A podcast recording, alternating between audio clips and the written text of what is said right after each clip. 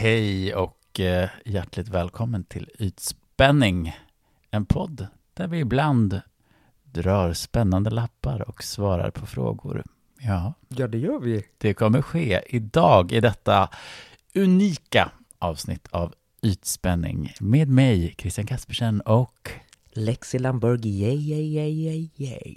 mm, vi ska återgå till eh, hur det kommer funka detta avsnitt. Men berätta, hur är läget med dig? Eh, jo, men alltså det är bra. Eh, jag, jag är lite borta i huvudet. Eh, men jag har ju fått ett glas bubbel av dig här, så att jag tror att det kommer att gå över. Mm, Det har varit liksom omtumlande dagar. Eh, jag har läst Kajsa Ekis Ekmans bok om könets existens, tankar om den nya synen på kön. mm, mycket omdebatterat. Omdebatterad, hatad, älskad, eh, tveksamma röster, hurraröster. Ja, det verkligen splittrar den feministiska rörelsen. Mm. Men ja, jag läste ut den igår kväll och jag måste säga, jag är väldigt tacksam för den här boken ändå. Mm. För jag har landat i en smärtsam... Jag ska inte säga att jag har land, landat i ett svar, men jag har landat i en skön känsla av att inte behöva övertyga mig själv om att jag är kvinna. Jag behöver liksom inte prata om könsdysfori eller könsidentitet, utan det är helt okej att jag är trans, så som jag, alltså i ordets rätta be, bemärkelse. Mm. Någon som överskrider. Mm. Inte någon som alltid har varit född kvinna och det var tråkigt att jag föddes i fel kropp. eh, Och att jag har ett kvinnligt kön i hjärnan men var man i kroppen. Utan jag är jag. Mm. Och det är helt okej att vara född biologisk man och ha gjort det jag har gjort. Mm. Och jag behöver inte omdefiniera anatomiskt kön för det. Nej. Det, Wow. ja, det är en stor och svindlande insikt Mm. sam- i sin enkelhet. Liksom. Mm. Just det. Så därför är jag, har liksom tänkt på allt annat än poddavsnitt. Jag har liksom tänkt filosofiska tankar om kön hela veckan. Liksom. Så att nu när vi ska sitta här och... Ja, vi Då- vet inte vad det är för frågor som kommer dyka upp i Nej, det, det är ju ett lite friare avsnitt idag och jag är väldigt tacksam för det. Och jag är också väldigt tacksam för det här glaset bubbel. Ja, jag med. Skål på dig, gamle vän. Skål, min skål, älskade vän. Eh, Alla vad, där hemma. Ja, ja ni har, om, om ni inte har champagne får ni skylla er själva. Eh, hur mår du? Jo, men jag mår rätt bra. Jag är väldigt eh, seg, men ehm, annars, eh, jag har massor med inspelningar och är nä- nästan klar med mitt album som släpps i år och lite Mm. musikvideo som håller på att planeras och det är mycket det. kreativa, roliga saker som händer. Mm. Sen är det lite andra saker som inte är lika roliga, men det Det sparar vi till nästa till podd. ja, nästa liv. Det sparar vi till nästa liv. Nej, men vi har här en liten vacker skål med små lappar. Ska jag börja? Ja, det tycker jag verkligen. Ja, Du jag var så, gir, jag var så girig. Ja, girig ner i skålen är du. Prassel, prassel. Vad ångrar du mest av allt? Du får inte svara i citat, att det inte är någon idé att ångra något. Just det, den har jag skrivit. Åh, här. Och nu snackar vi inte att du ångrade att du åt pizza i lördags, utan nu pratar vi livsånger här va? Mm. Ja, alltså det som först dyker upp till, i mitt huvud är nog faktiskt att jag ehm, jag ångrar kanske att jag liksom inte satsade hårdare från början på min egen musik och på de sakerna. Mm. Ehm, jag var liksom, det var ju det var ju en annan tid. Nu talar vi liksom, jag var hos några skivbolag och A&Rs och liksom sådana saker när jag var i tidiga 20. Jag har skrivit musik sedan jag var eh, liksom åtta. Nu, Jag har alltid skrivit musik och jag har sjungit och liksom velat med det. Men jag kände mig också så otroligt övertygad om, för det fanns så få liksom gay-artister, Mm. att jag också kände mig väldigt så här, men det här går ju inte. Att jag kände att när jag pratade med, med jag var på liksom något skivbolag, att jag liksom, det vikt, kändes som det viktigaste för mig var att de inte skulle tänka att jag var bög och sådana saker. Att Just det, det där hängde med dig det hängde upp, med alltså. där Mm. då fortfarande. Sen hände det ju mycket lite senare, sen började ju fler och fler komma ut och sådana där saker. Men, Mm. men det var som att jag tänkte att så här, visst, man kan ha en antydan om att verka lite bi, lite så här suede, sexigt, men, Mm. men att verkligen vara en bög var liksom någonting som skulle göra mig omöjlig att relatera till och fel på olika sätt och så att jag och ville alla mina texter vara liksom neutrala och liksom sådär. Mm. Så det jag, blev ingenting istället? Ja, eller ja, jag menar, jag skrev Eller en del bra låtar också, men nej, men visst, alltså, jag det- dolde ju mig mm. själv lite grann, liksom på något vis ju, att jag inte vågade fullt eh, på något vis Det bara kötta på, extra. Mm. ja, och utan att jag tänkte då att jag sa, okej, men jag kanske, det kanske är troligare att jag kan liksom, liksom göra musikal, liksom sjunga, stå i en ensemble, alltså göra liksom ändå, hålla på med, med sånt som jag förstås You fortfarande cut tycker. yourself short. Ja, men lite så. Och det kan jag Mm. verkligen. Och sen så blev det ju liksom, det ironiska blev ju förstås att sen när jag verkligen kände att nej men jag, jag måste ut med det här. Och Mm. då blev det ju verkligen att jag, mycket av, av låtarna och mitt sätt var ju också ett sätt att liksom, Mm. att 100% stå för mig själv och verkligen ta ut svängarna och liksom inte alls, eh, ehm, ja men blev en frigörelse mot det sättet. Det här var alltså innan Magnus Carlsson hade kommit ut som gay, Ja, innan. Peter Jöback. Man, man Ja, gjorde om gayartister, ja eller hur? precis. Det var väl Mm. runt de svängarna som kanske Magnus Carlsson kom ut. Och sånt där. Ja. Mm. He fooled no one, men det är en annan Det är historia. en annan sak, men det, det Ja. var en annan tid. Ricky Martin hade ju fan inte kommit ut än. Så liksom, det var ju, det var, det var, man visste typ att George Michael, men han hade knappt sagt något om det. Eller liksom, ja, nej, det var mycket, det var mycket så här. Mm. Men det kan jag, Du svek det- dig det- själv ja, där. men Det är jag- det ångern handlar om. ja, men jag, jag kan ångra det. Jag kan ångra att jag liksom inte bara hade liksom önskat att jag hade kunnat liksom kötta och verkligen så här, fan vad häftigt om jag hade liksom, vart hade jag stått idag liksom om jag hade haft en liksom Mm. starkare tilltro och liksom, Men det, det, det var som att jag hela också- tiden, var ju att jag fick ändå möjligheter, men det var som att jag också backade liksom och tänkte, ja men det kanske blir nästa gång. Alltså jag liksom, Mm. ja, det, det har ju varit lite en bromskloss för mig själv på vissa sätt. Mm. Det kan jag ångra. Bra svar. Tack. Ett litet tidsdokument också. För jag tänker ju att ehm, Ja, ja, gud ja. Det, är inte bara du där, utan där är det ju också tiden. Alltså idag hade du ju blivit, om du hade varit 20 nu och kommit och liksom varit en homogeja, liksom stå och Ja. svanka i musikvideos och sådär. Ja, hade, ja. Alla hade ju bara ja! Precis, men det Men var det ju var samma inte sak. så. Nej, men det var inte så. Det var ju jag, liksom, jag var ju inne på att söka scenskolan också. Jag har varit liksom intresserad och spelat liksom, teater mycket och haft den liksom, Mm. väldigt starkt i mig också. Men jag var, det var ju också att jag tänkte ju verkligen så här, nej men de kommer ju aldrig ta in mig. Jag är Mm. för, jag, jag är inte liksom, jag kan inte köra Persbrandts liksom.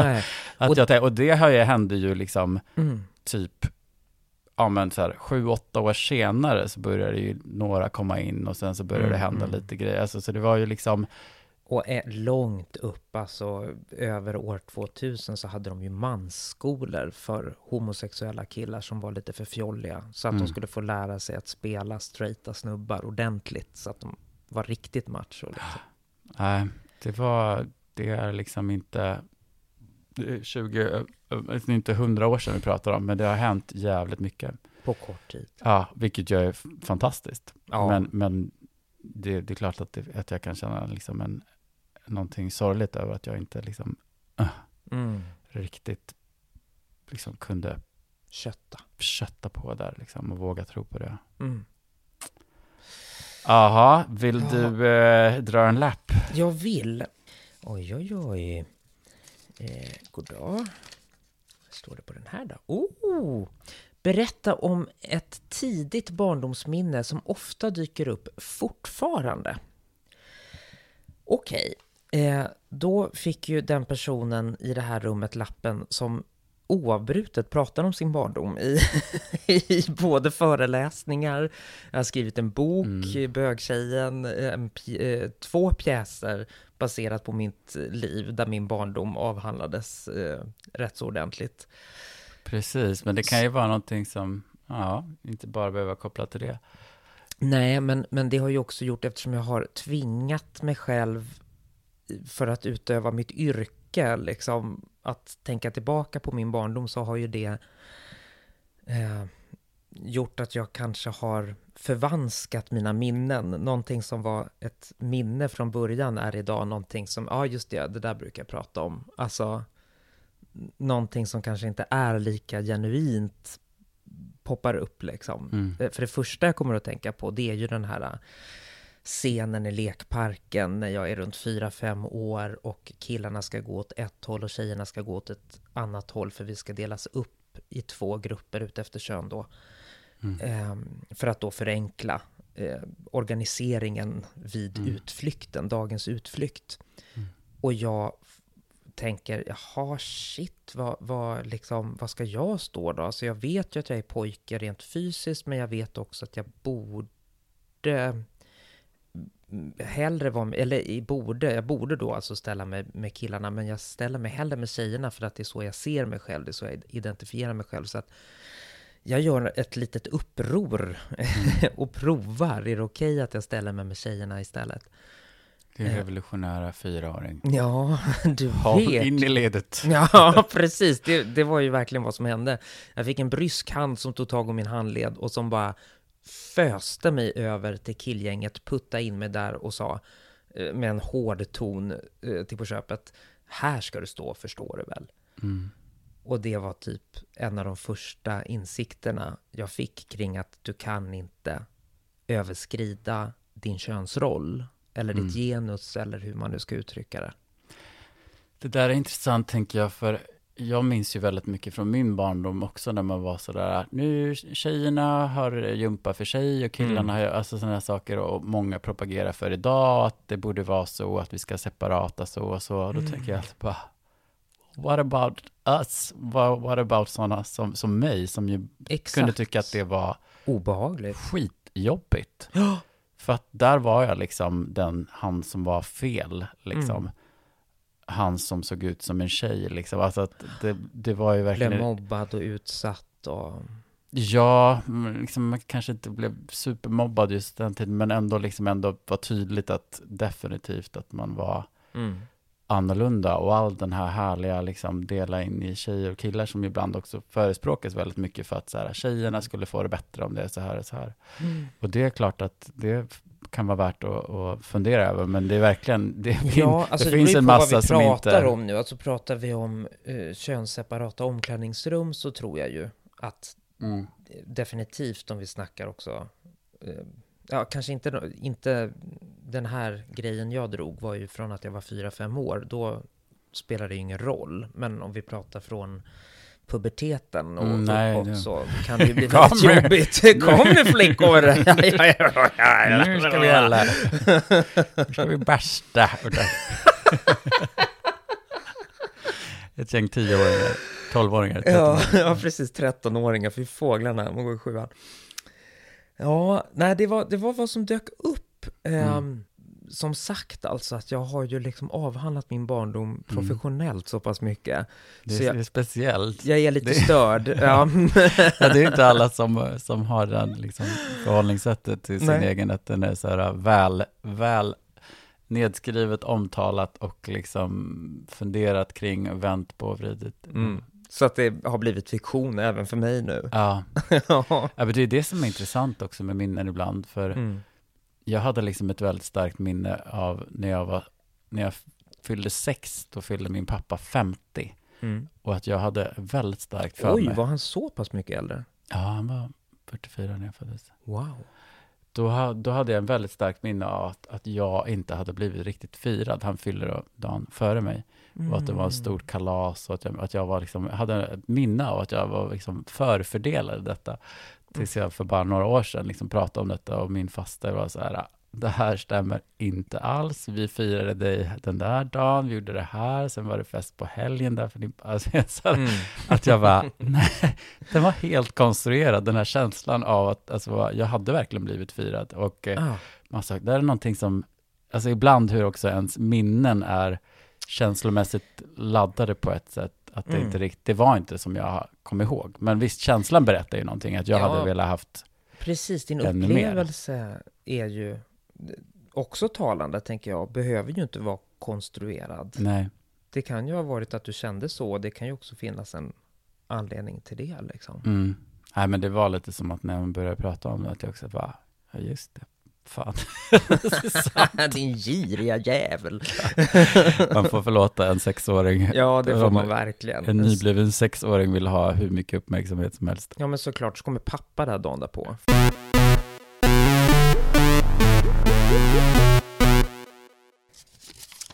Prassel i prassel. Ja, prassel i prassel.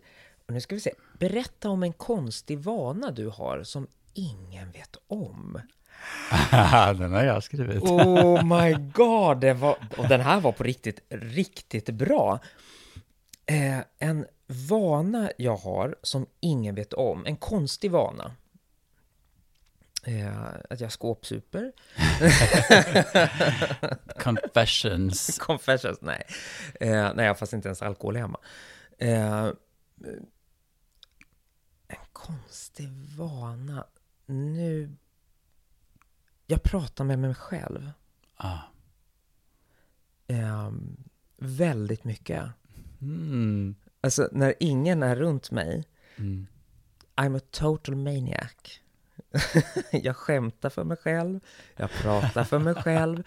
Och allt det här äh, för att skapa någon form av normalitet eh, i mitt kaos som är en trappa upp, va? I mitt huvud. Att eh, jag är ju egenföretagare, jag jobbar eh, hemifrån under covid, definitivt under covid. Mm. Eh, annars kan jag ju vara ute och resa och hålla föreläsningar eller jobba med föreställningar beroende på vad jag gör. Men i, det kräver ju en speciell disciplin. Ja, jag är så imponerad av den disciplinen du har. Jag tror jag skulle bli tokig. Ja. Ja, men tack.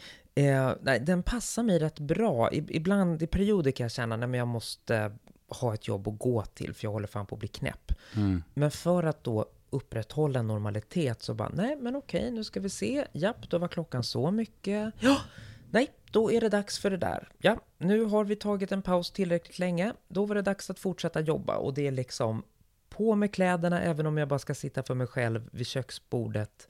Eh, inga mjukisgrejer, utan där är jag fast lite som Kajsa Ekis Ekman. Sätt på dig ordentliga kläder, på med parfymen, lukta gott, gör din ansiktsrengöring, på med fuktkrämen, sätt upp håret i en tofs som att du skulle sitta bland kollegor, kanske lite smink, alltså du vet sådär Mm. liksom.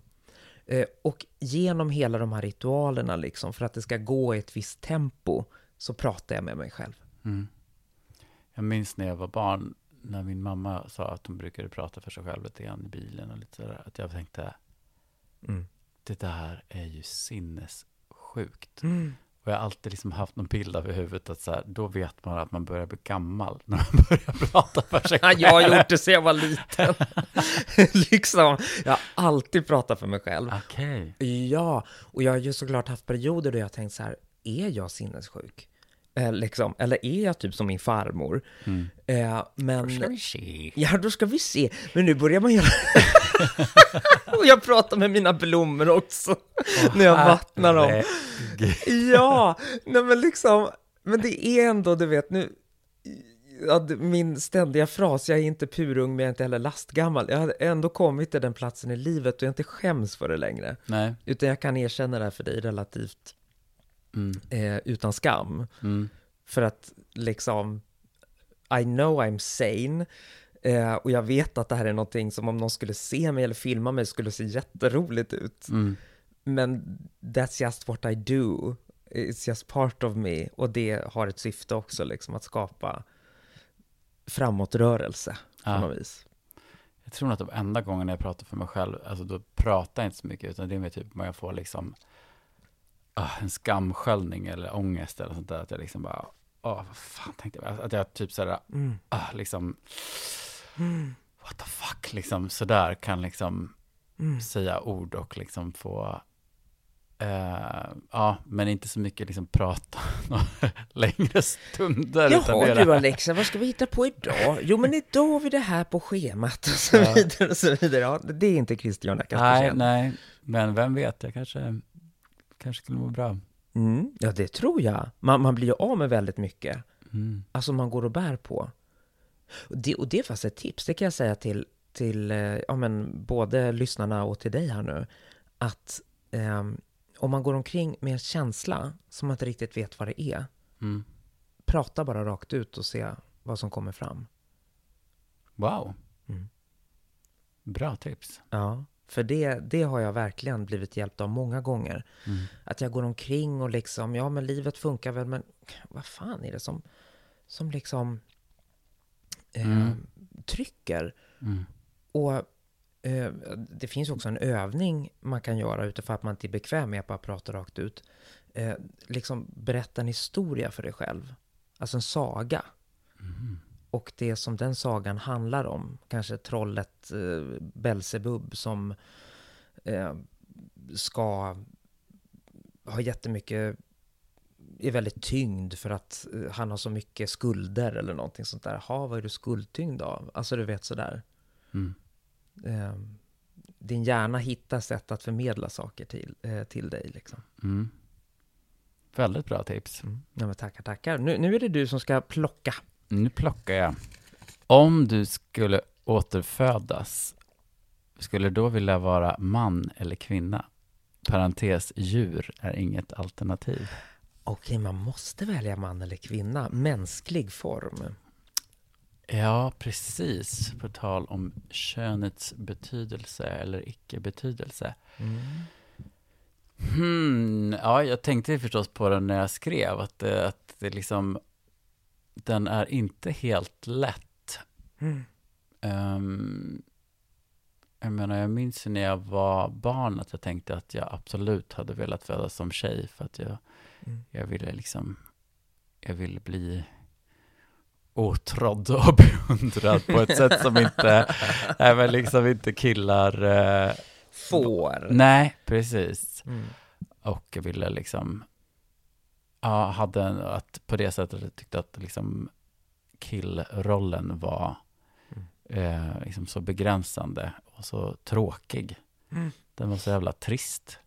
Mm. Så att ehm, då tänkte jag att, åh, tänk om jag hade liksom fötts som tjej, då hade jag liksom, jag hade varit, Mm.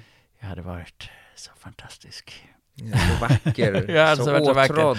Oh ja, jag hade haft beundrare överallt efter mig. Ja, men, och det är så konstigt att varför skulle du behöva vara tjej för att vara åtrådd och ha beundrare efter Nej dig? men eller hur? Du har ju världens vackraste ansiktsdrag, androgyn, enligt vissa, bland annat då undertecknad. Maj. Maj. Eh, nej, men, och du har, nej men du, du är, jag vet att du ibland säger Christiania Kaspersen att så här, jag är ju ändå man. Men du har en sån otrolig feminin aura, alltså det är blickar du ger, det är liksom det här lite luriga leendet, alltså det är så här You can't escape it girl. Det är någonting som är väldigt feminint över dig. Mm, mm, mm. Där hör man. Ja, men, Ja. Som också blir vackert i kombination med eh, att du är man. Mm.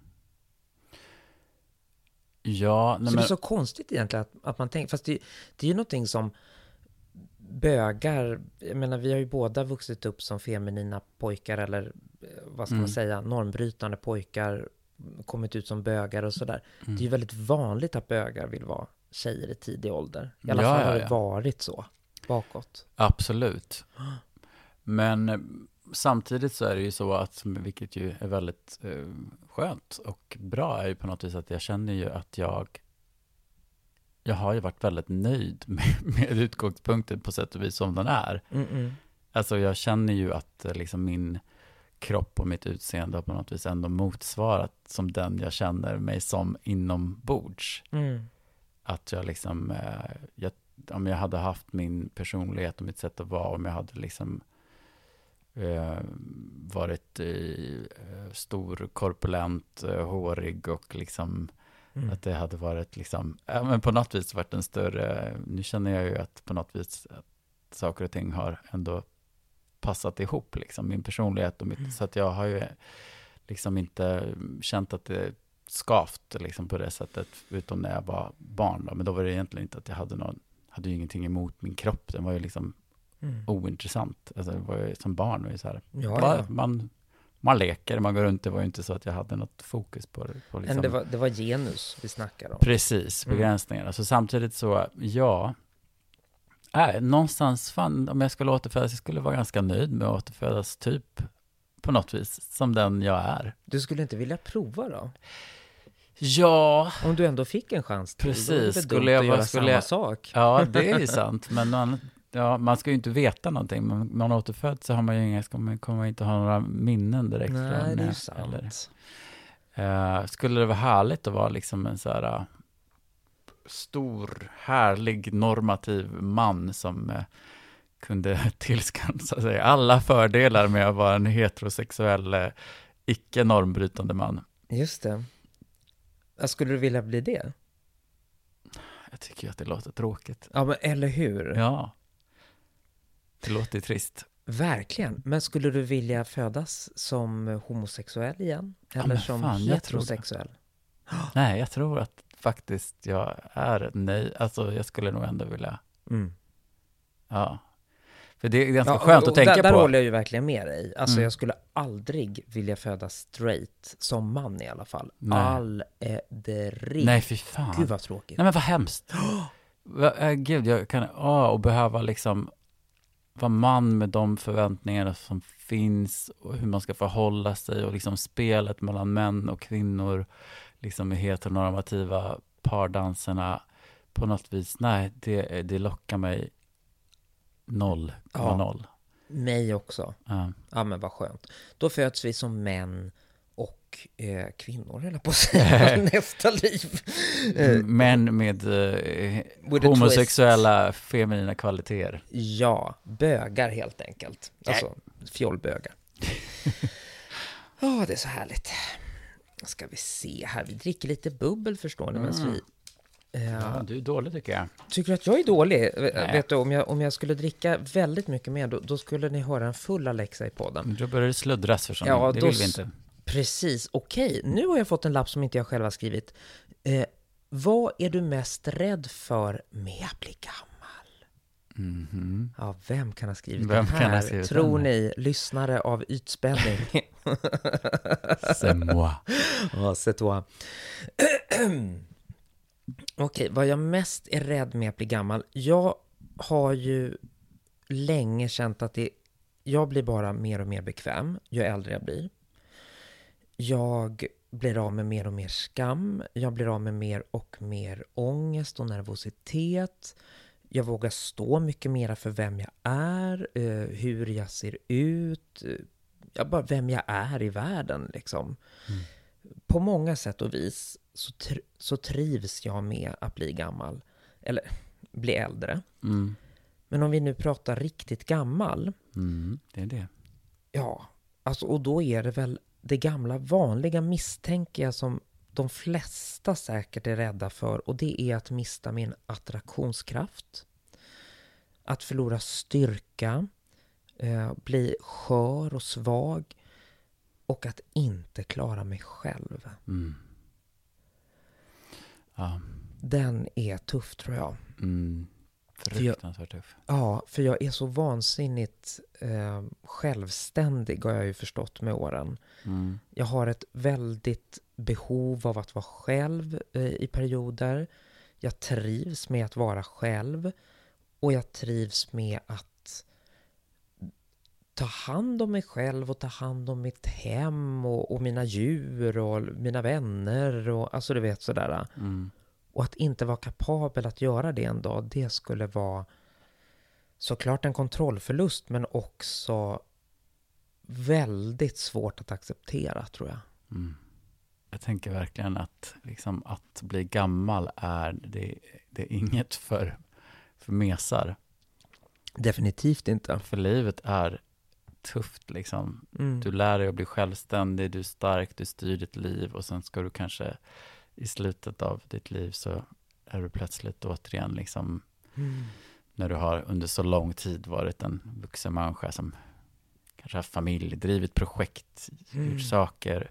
Mm. Sen plötsligt så blir det svårt att ens ta hand om sig själv och sina liksom, Ja. privata behov. Ja, det, det är en så jävla... Livet har verkligen, det är, en, det är på något vis en ganska grym twist Dramaturgi. på slutet. Liksom. Absolut. Speciellt om du blir om att- dement. Ja, nej men gud. Ja. Det, det är väl också en rädsla då, liksom att jag ska bli dement. Mm. Jag har jobbat med dementa i fem sex år. Mm. Det är en fantastisk sjukdom när man inte känner dem.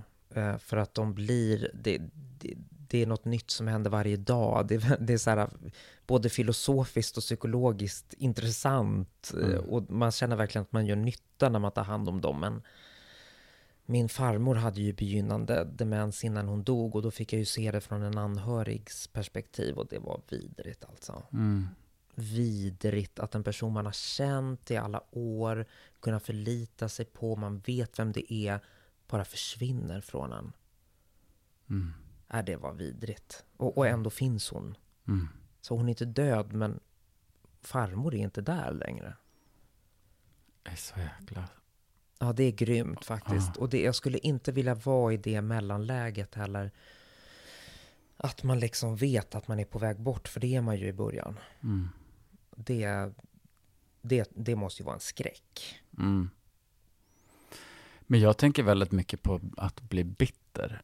Liksom, Ja. att det har verkligen varit en så här drivkraft ibland i mitt liv. Att så här, bara, nej fan nu måste jag göra det här som jag drömmer om eller det jag vill eller uttrycka någonting. Jag kan inte sitta och vara bitter och gammal. Liksom, det, det vore så himla Mm. hemskt. Mm. Utan det på något vis ibland kan liksom vara en sporre att vad som än händer så Mm. det är klart att man har rätt att kunna känna besvikelse eller vad som men att inte, att bli bitter det är verkligen, uh, det är en så fruktansvärt hemsk eh, liksom, Ja. Kvalitet hos människor ibland som man möter som verkligen är Mm.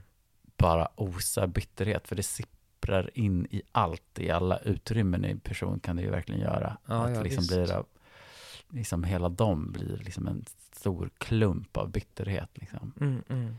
Känner du att du har det i din person då, menar du? Att det skulle kunna bli så, eller är det bara en rädsla?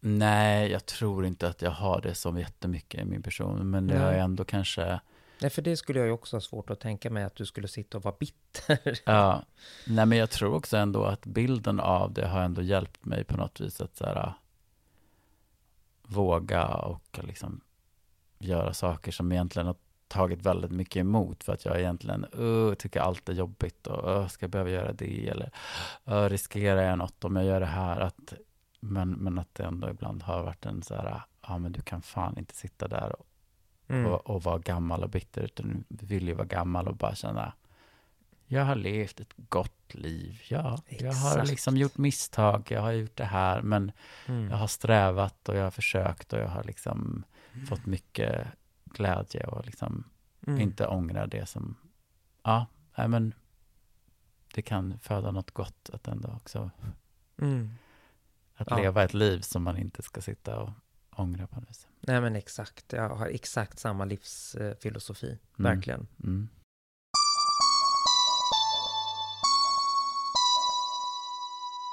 Nu ska du ha lite mer bubbel och Ja, sen, men du är en för god människa. Tackar, tackar. Och så ska du få dra en lapp nu, Christiana Kaspersen, förstår du. ja du, Här ska det dras. little burger. Little Burger, skål på dig. Skål, det var gott. Okej. Ja! På nästa lapp, Theresia. Oj, vilken svår fråga. Mm, jag tror att den har hamnat i rätta händer. Jag tror jag ser vad det kan vara. Mm. Är vi mitt uppe i en samhällelig revolution eller håller tiden på att spåra, helt spåra ur? på att helt spåra ur.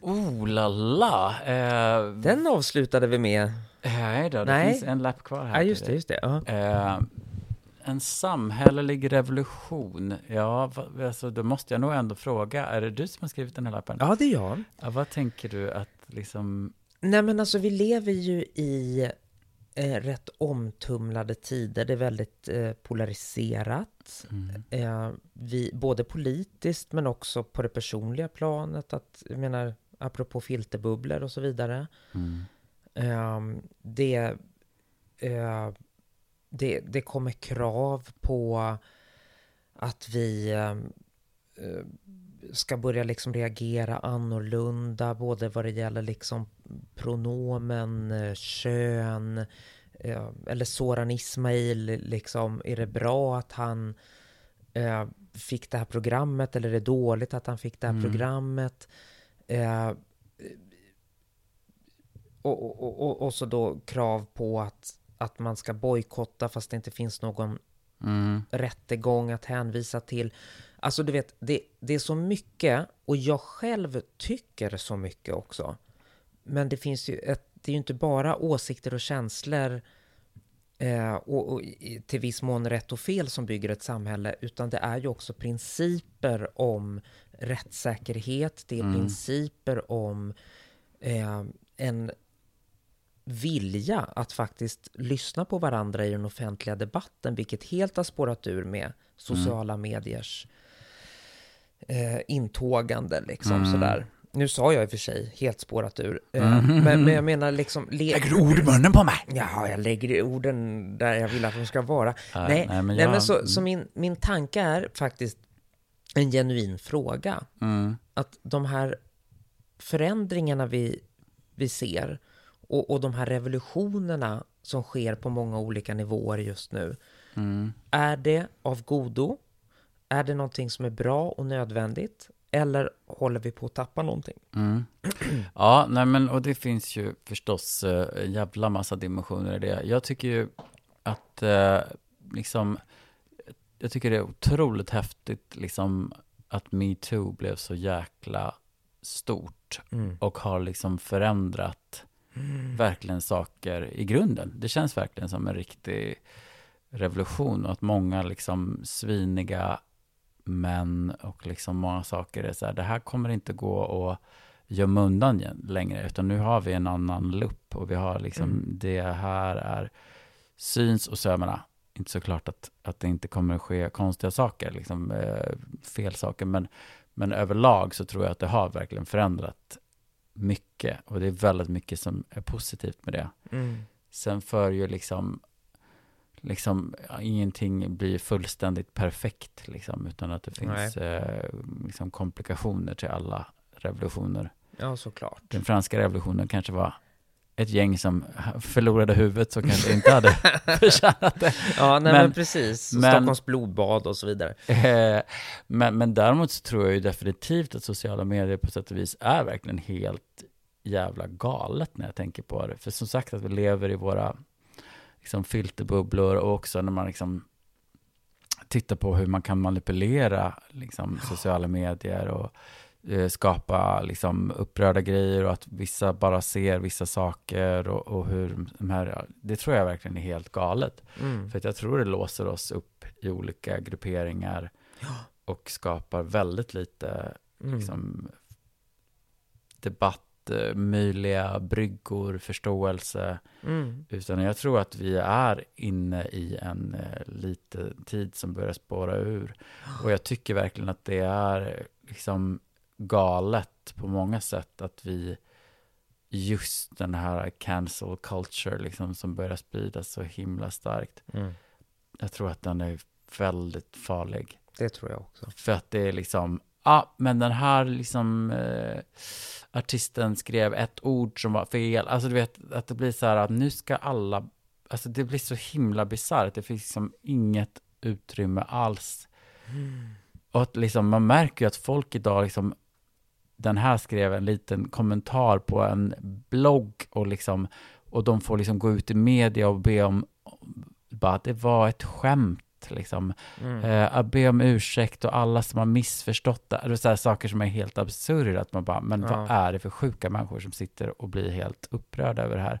Precis. Att, vi, att det har liksom, det har höjts liksom, det har skruvats upp något djävulskt. Absolut, folk ska inte vara eh, rasistiska, homofoba, transfoba, eh, alla eh, liksom saker man kan... Sexister. Sex, nej, självklart inte. Men vi kan inte så här... Det är också, tycker jag, helt sjukt när man pratar om liksom humor och sådana saker Mm. ibland. Att liksom... Så humor för mig, eh, liksom jag har också skrivit lite humor och gjort lite humorgrejer och sådana saker. Humor för mig är ju att driva med rädslor. Mm. Att driva med fördomar. Att eh, liksom... Det här har ingenting med Ismail att göra. Nej, nej, nej, nu nej. pratar jag om humor i... Det var jag som ja, tog honom som Ja. exempel förut. Men, Ja, nej, men jag tänker bara hur sjukt det blir så här att så här, nej, du kan inte säga det här för att någon kan bli sårad. Så, så här, bara, fast det här är ju ett sätt att bearbeta saker. Mm. Det här är ju liksom, humor är ju det sättet som vi kan liksom behandla det som är svårt och jobbigt och hemskt och vidrigt och liksom Ja. och göra oss kvitt det och, och syna det och twista det och liksom det blir ju helt galet att, så här, att, eh, Mm. att försöka göra all humor måste vara liksom gått genom 40 raster Ja, av nej. Alltså, det, då, vad, vad ska vi, nej men det har ju hela poängen har, har ju gått bort. Ja. Liksom, det, det funkar inte så. Vi, vi kan inte skapa liksom, och man måste kunna få liksom tänka, eh, resonera och eh, Provprata. prova. Ja, Mm. och inte bara så här komma igenom att folk liksom ska skriva liksom, liksom små uttalanden som har gått genom 40 publicister och rådgivare och så här, jag tänker liksom i större liksom artister, Mm. politiker och där det också blir sen så finns ju liksom motsatsen till typ Donald Trump men det är väl kanske också ett så här, Precis. det är väl också ett tidens tecken att Mm. de som står där ibland och bara fuck säger något liksom helt politiskt inkorrekt. Att folk tycker ha fan vad härligt. Här är någon som bara säger och liksom Mm. vågar stå för något och liksom så här. Och det är ju förstås en helt hemskt, men det är ju en konsekvens kan det ju också bli Mm. när det blir ett samhälle som är så skruvat liksom i och jag tycker verkligen att det kan gå åt skogen med liksom självklart finns det absolut människor som så här, fuck den här borde inte ha den här rösten som den har och någon sprider liksom saker som verkligen är farliga så tycker jag också att i demokratins namn att så här, men ska de här för, som är nazister ha all möjlighet att propagera för det fast vi säger att fast de vill motverka hela vårt demokratiska system. Mm. Mm. Det, alltså sådana saker blir så här, ja, det måste också finnas gränser för, så här, okej, fast om du är emot hela systemet i sig, så kanske inte vi ska ge dig mikrofonen och gatorna helt och hållet heller. Nej. Eh, Men, Men det är ja, ju verkligen demokratins akilleshäl. mm, Att det, eh, dess verktyg står till buds även för de som vill avskaffa den. mm. Ja, nej, men så en viss urspårning kommer att ske, men eh, håller på att ske, är vi mitt i den. Men Mm. eh, jag vet inte, jag har ingen aning om var eh, Det känns ju också som att det finns motkrafter som håller på att göra intågande nu. mm, Där folk är trötta på den här polariseringen. mm, Och där vi vill få till samtal. Och där vi också får till samtal i allt högre utsträckning kan jag tycka. mm, På sina håll. Men det, det finns ju en um, jättespännande Netflix-dokumentär om just det här. Som jag tyvärr inte kommer ihåg titeln på nu. Men det handlar i alla fall om o- om sociala mediers roll mm, i eh, vad, vad den spelar för roll i vår samtid och eh, utvecklarna eh, de tidiga utvecklarna, eh, innan det fick det här genomslaget Just som det. det. har idag. Liksom. De eh, pratar i den här dokumentären om eh, The Social Dilemma heter den Just förresten. det, den har du pratat om. Ja, eh, de pratar om hur de har eh, byggt upp de här eh, plattformarna. Och att det handlar väldigt mycket om eh, att man tjänar pengar och uppmärksamhet eh, på att vi har intressen då som de här algoritmerna då eh, Pumpar ut bara det som vi...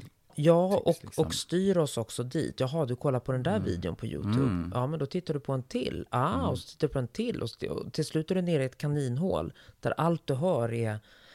Du kanske råkade Mm. kolla på någonting av Donald Trump och så kommer någonting annat av Donald Trump och till slut så är det allt som kommer Mm. upp i din feed. Mm. Eh, och det här belönas ju.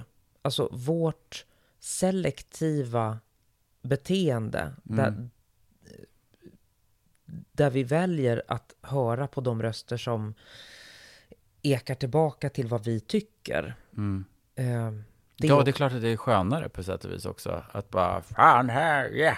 ja, alla tycker jag. tycker som jag. Ja, ja, än att känna att liksom, om man måste vrida och vända å ena sidan och andra sidan Mm. och, och liksom Det som är gråskalor och- grundfundamentet i en fungerande demokrati. Ja, jag menar det är Att ju... vi hör menar, olika det röster och läser artiklar av meningsmotståndare. Att vi får diskutera och debattera som en Absolut. naturlig del av vår vardag.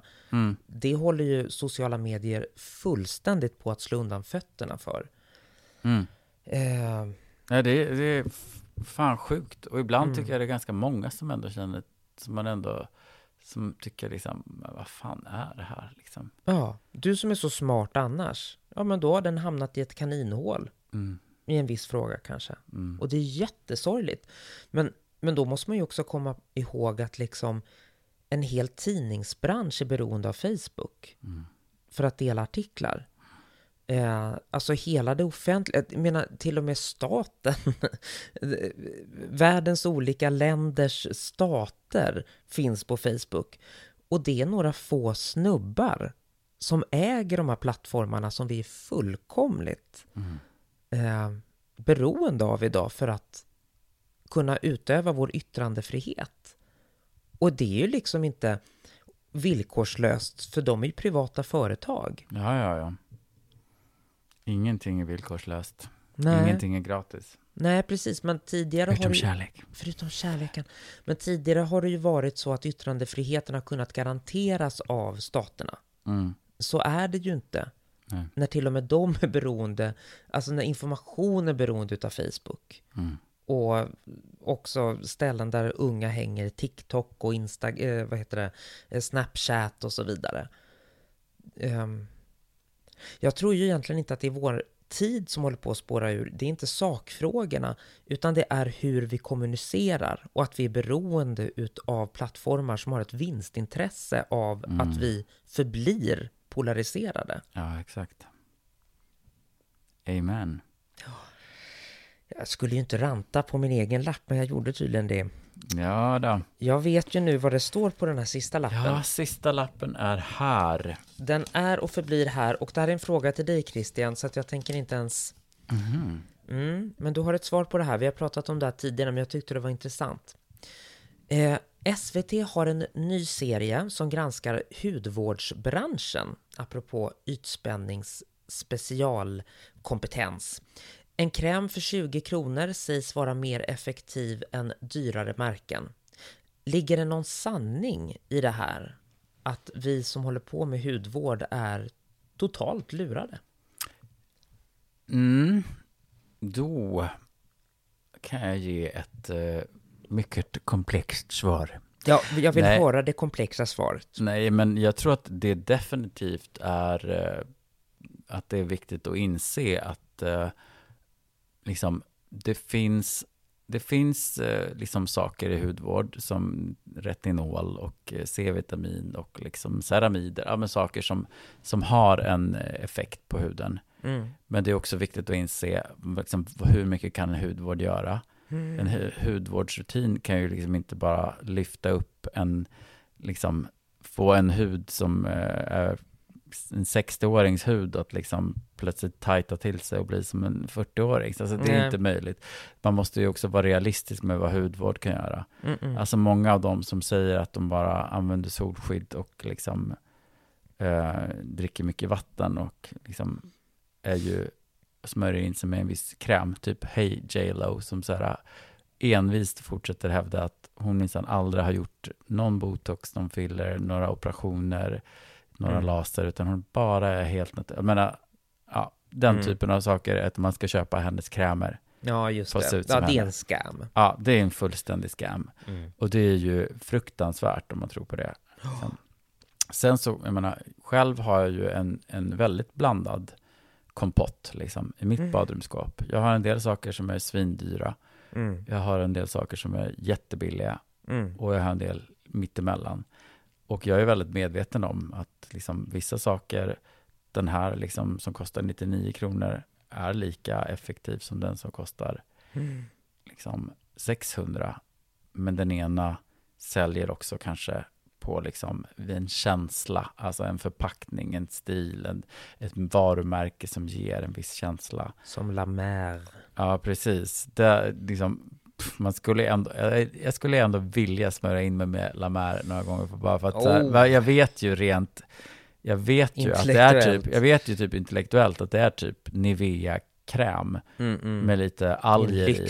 Lite, ja, och lite alger som det har liksom sjungits för under, liksom, när de har jäst. Ja, men det är på riktigt, alltså det är ju en väldigt bra exempel på en kräm som kostar flera tusen kronor och som liksom när man, ja det är ju framförallt är det ju liksom billig mineralolja och liksom andra saker, men det är väldigt mycket eh, hoppet liksom. Och jag tänker att men man ska inte helt och hållet ta bort, eftersom jag själv då är medveten, så ska man inte helt ta bort idén om att säga, ja, jag är medveten om att den här krämen kostar några hundralappar mer, men det ger mig en känsla av att mm, välbehag, att liksom använda den, att se den i mitt badrumsskåp, att tänka att, ja, men vem vet, kanske ändå att det är någonting med den här sammansättningen som kanske ändå liksom, det ger en liten magi liksom. Mm. Ja, man ska inte ta bort den Känslan. sköna känslan. Nej, precis. För vad fan, Mm. det är ju någonting som...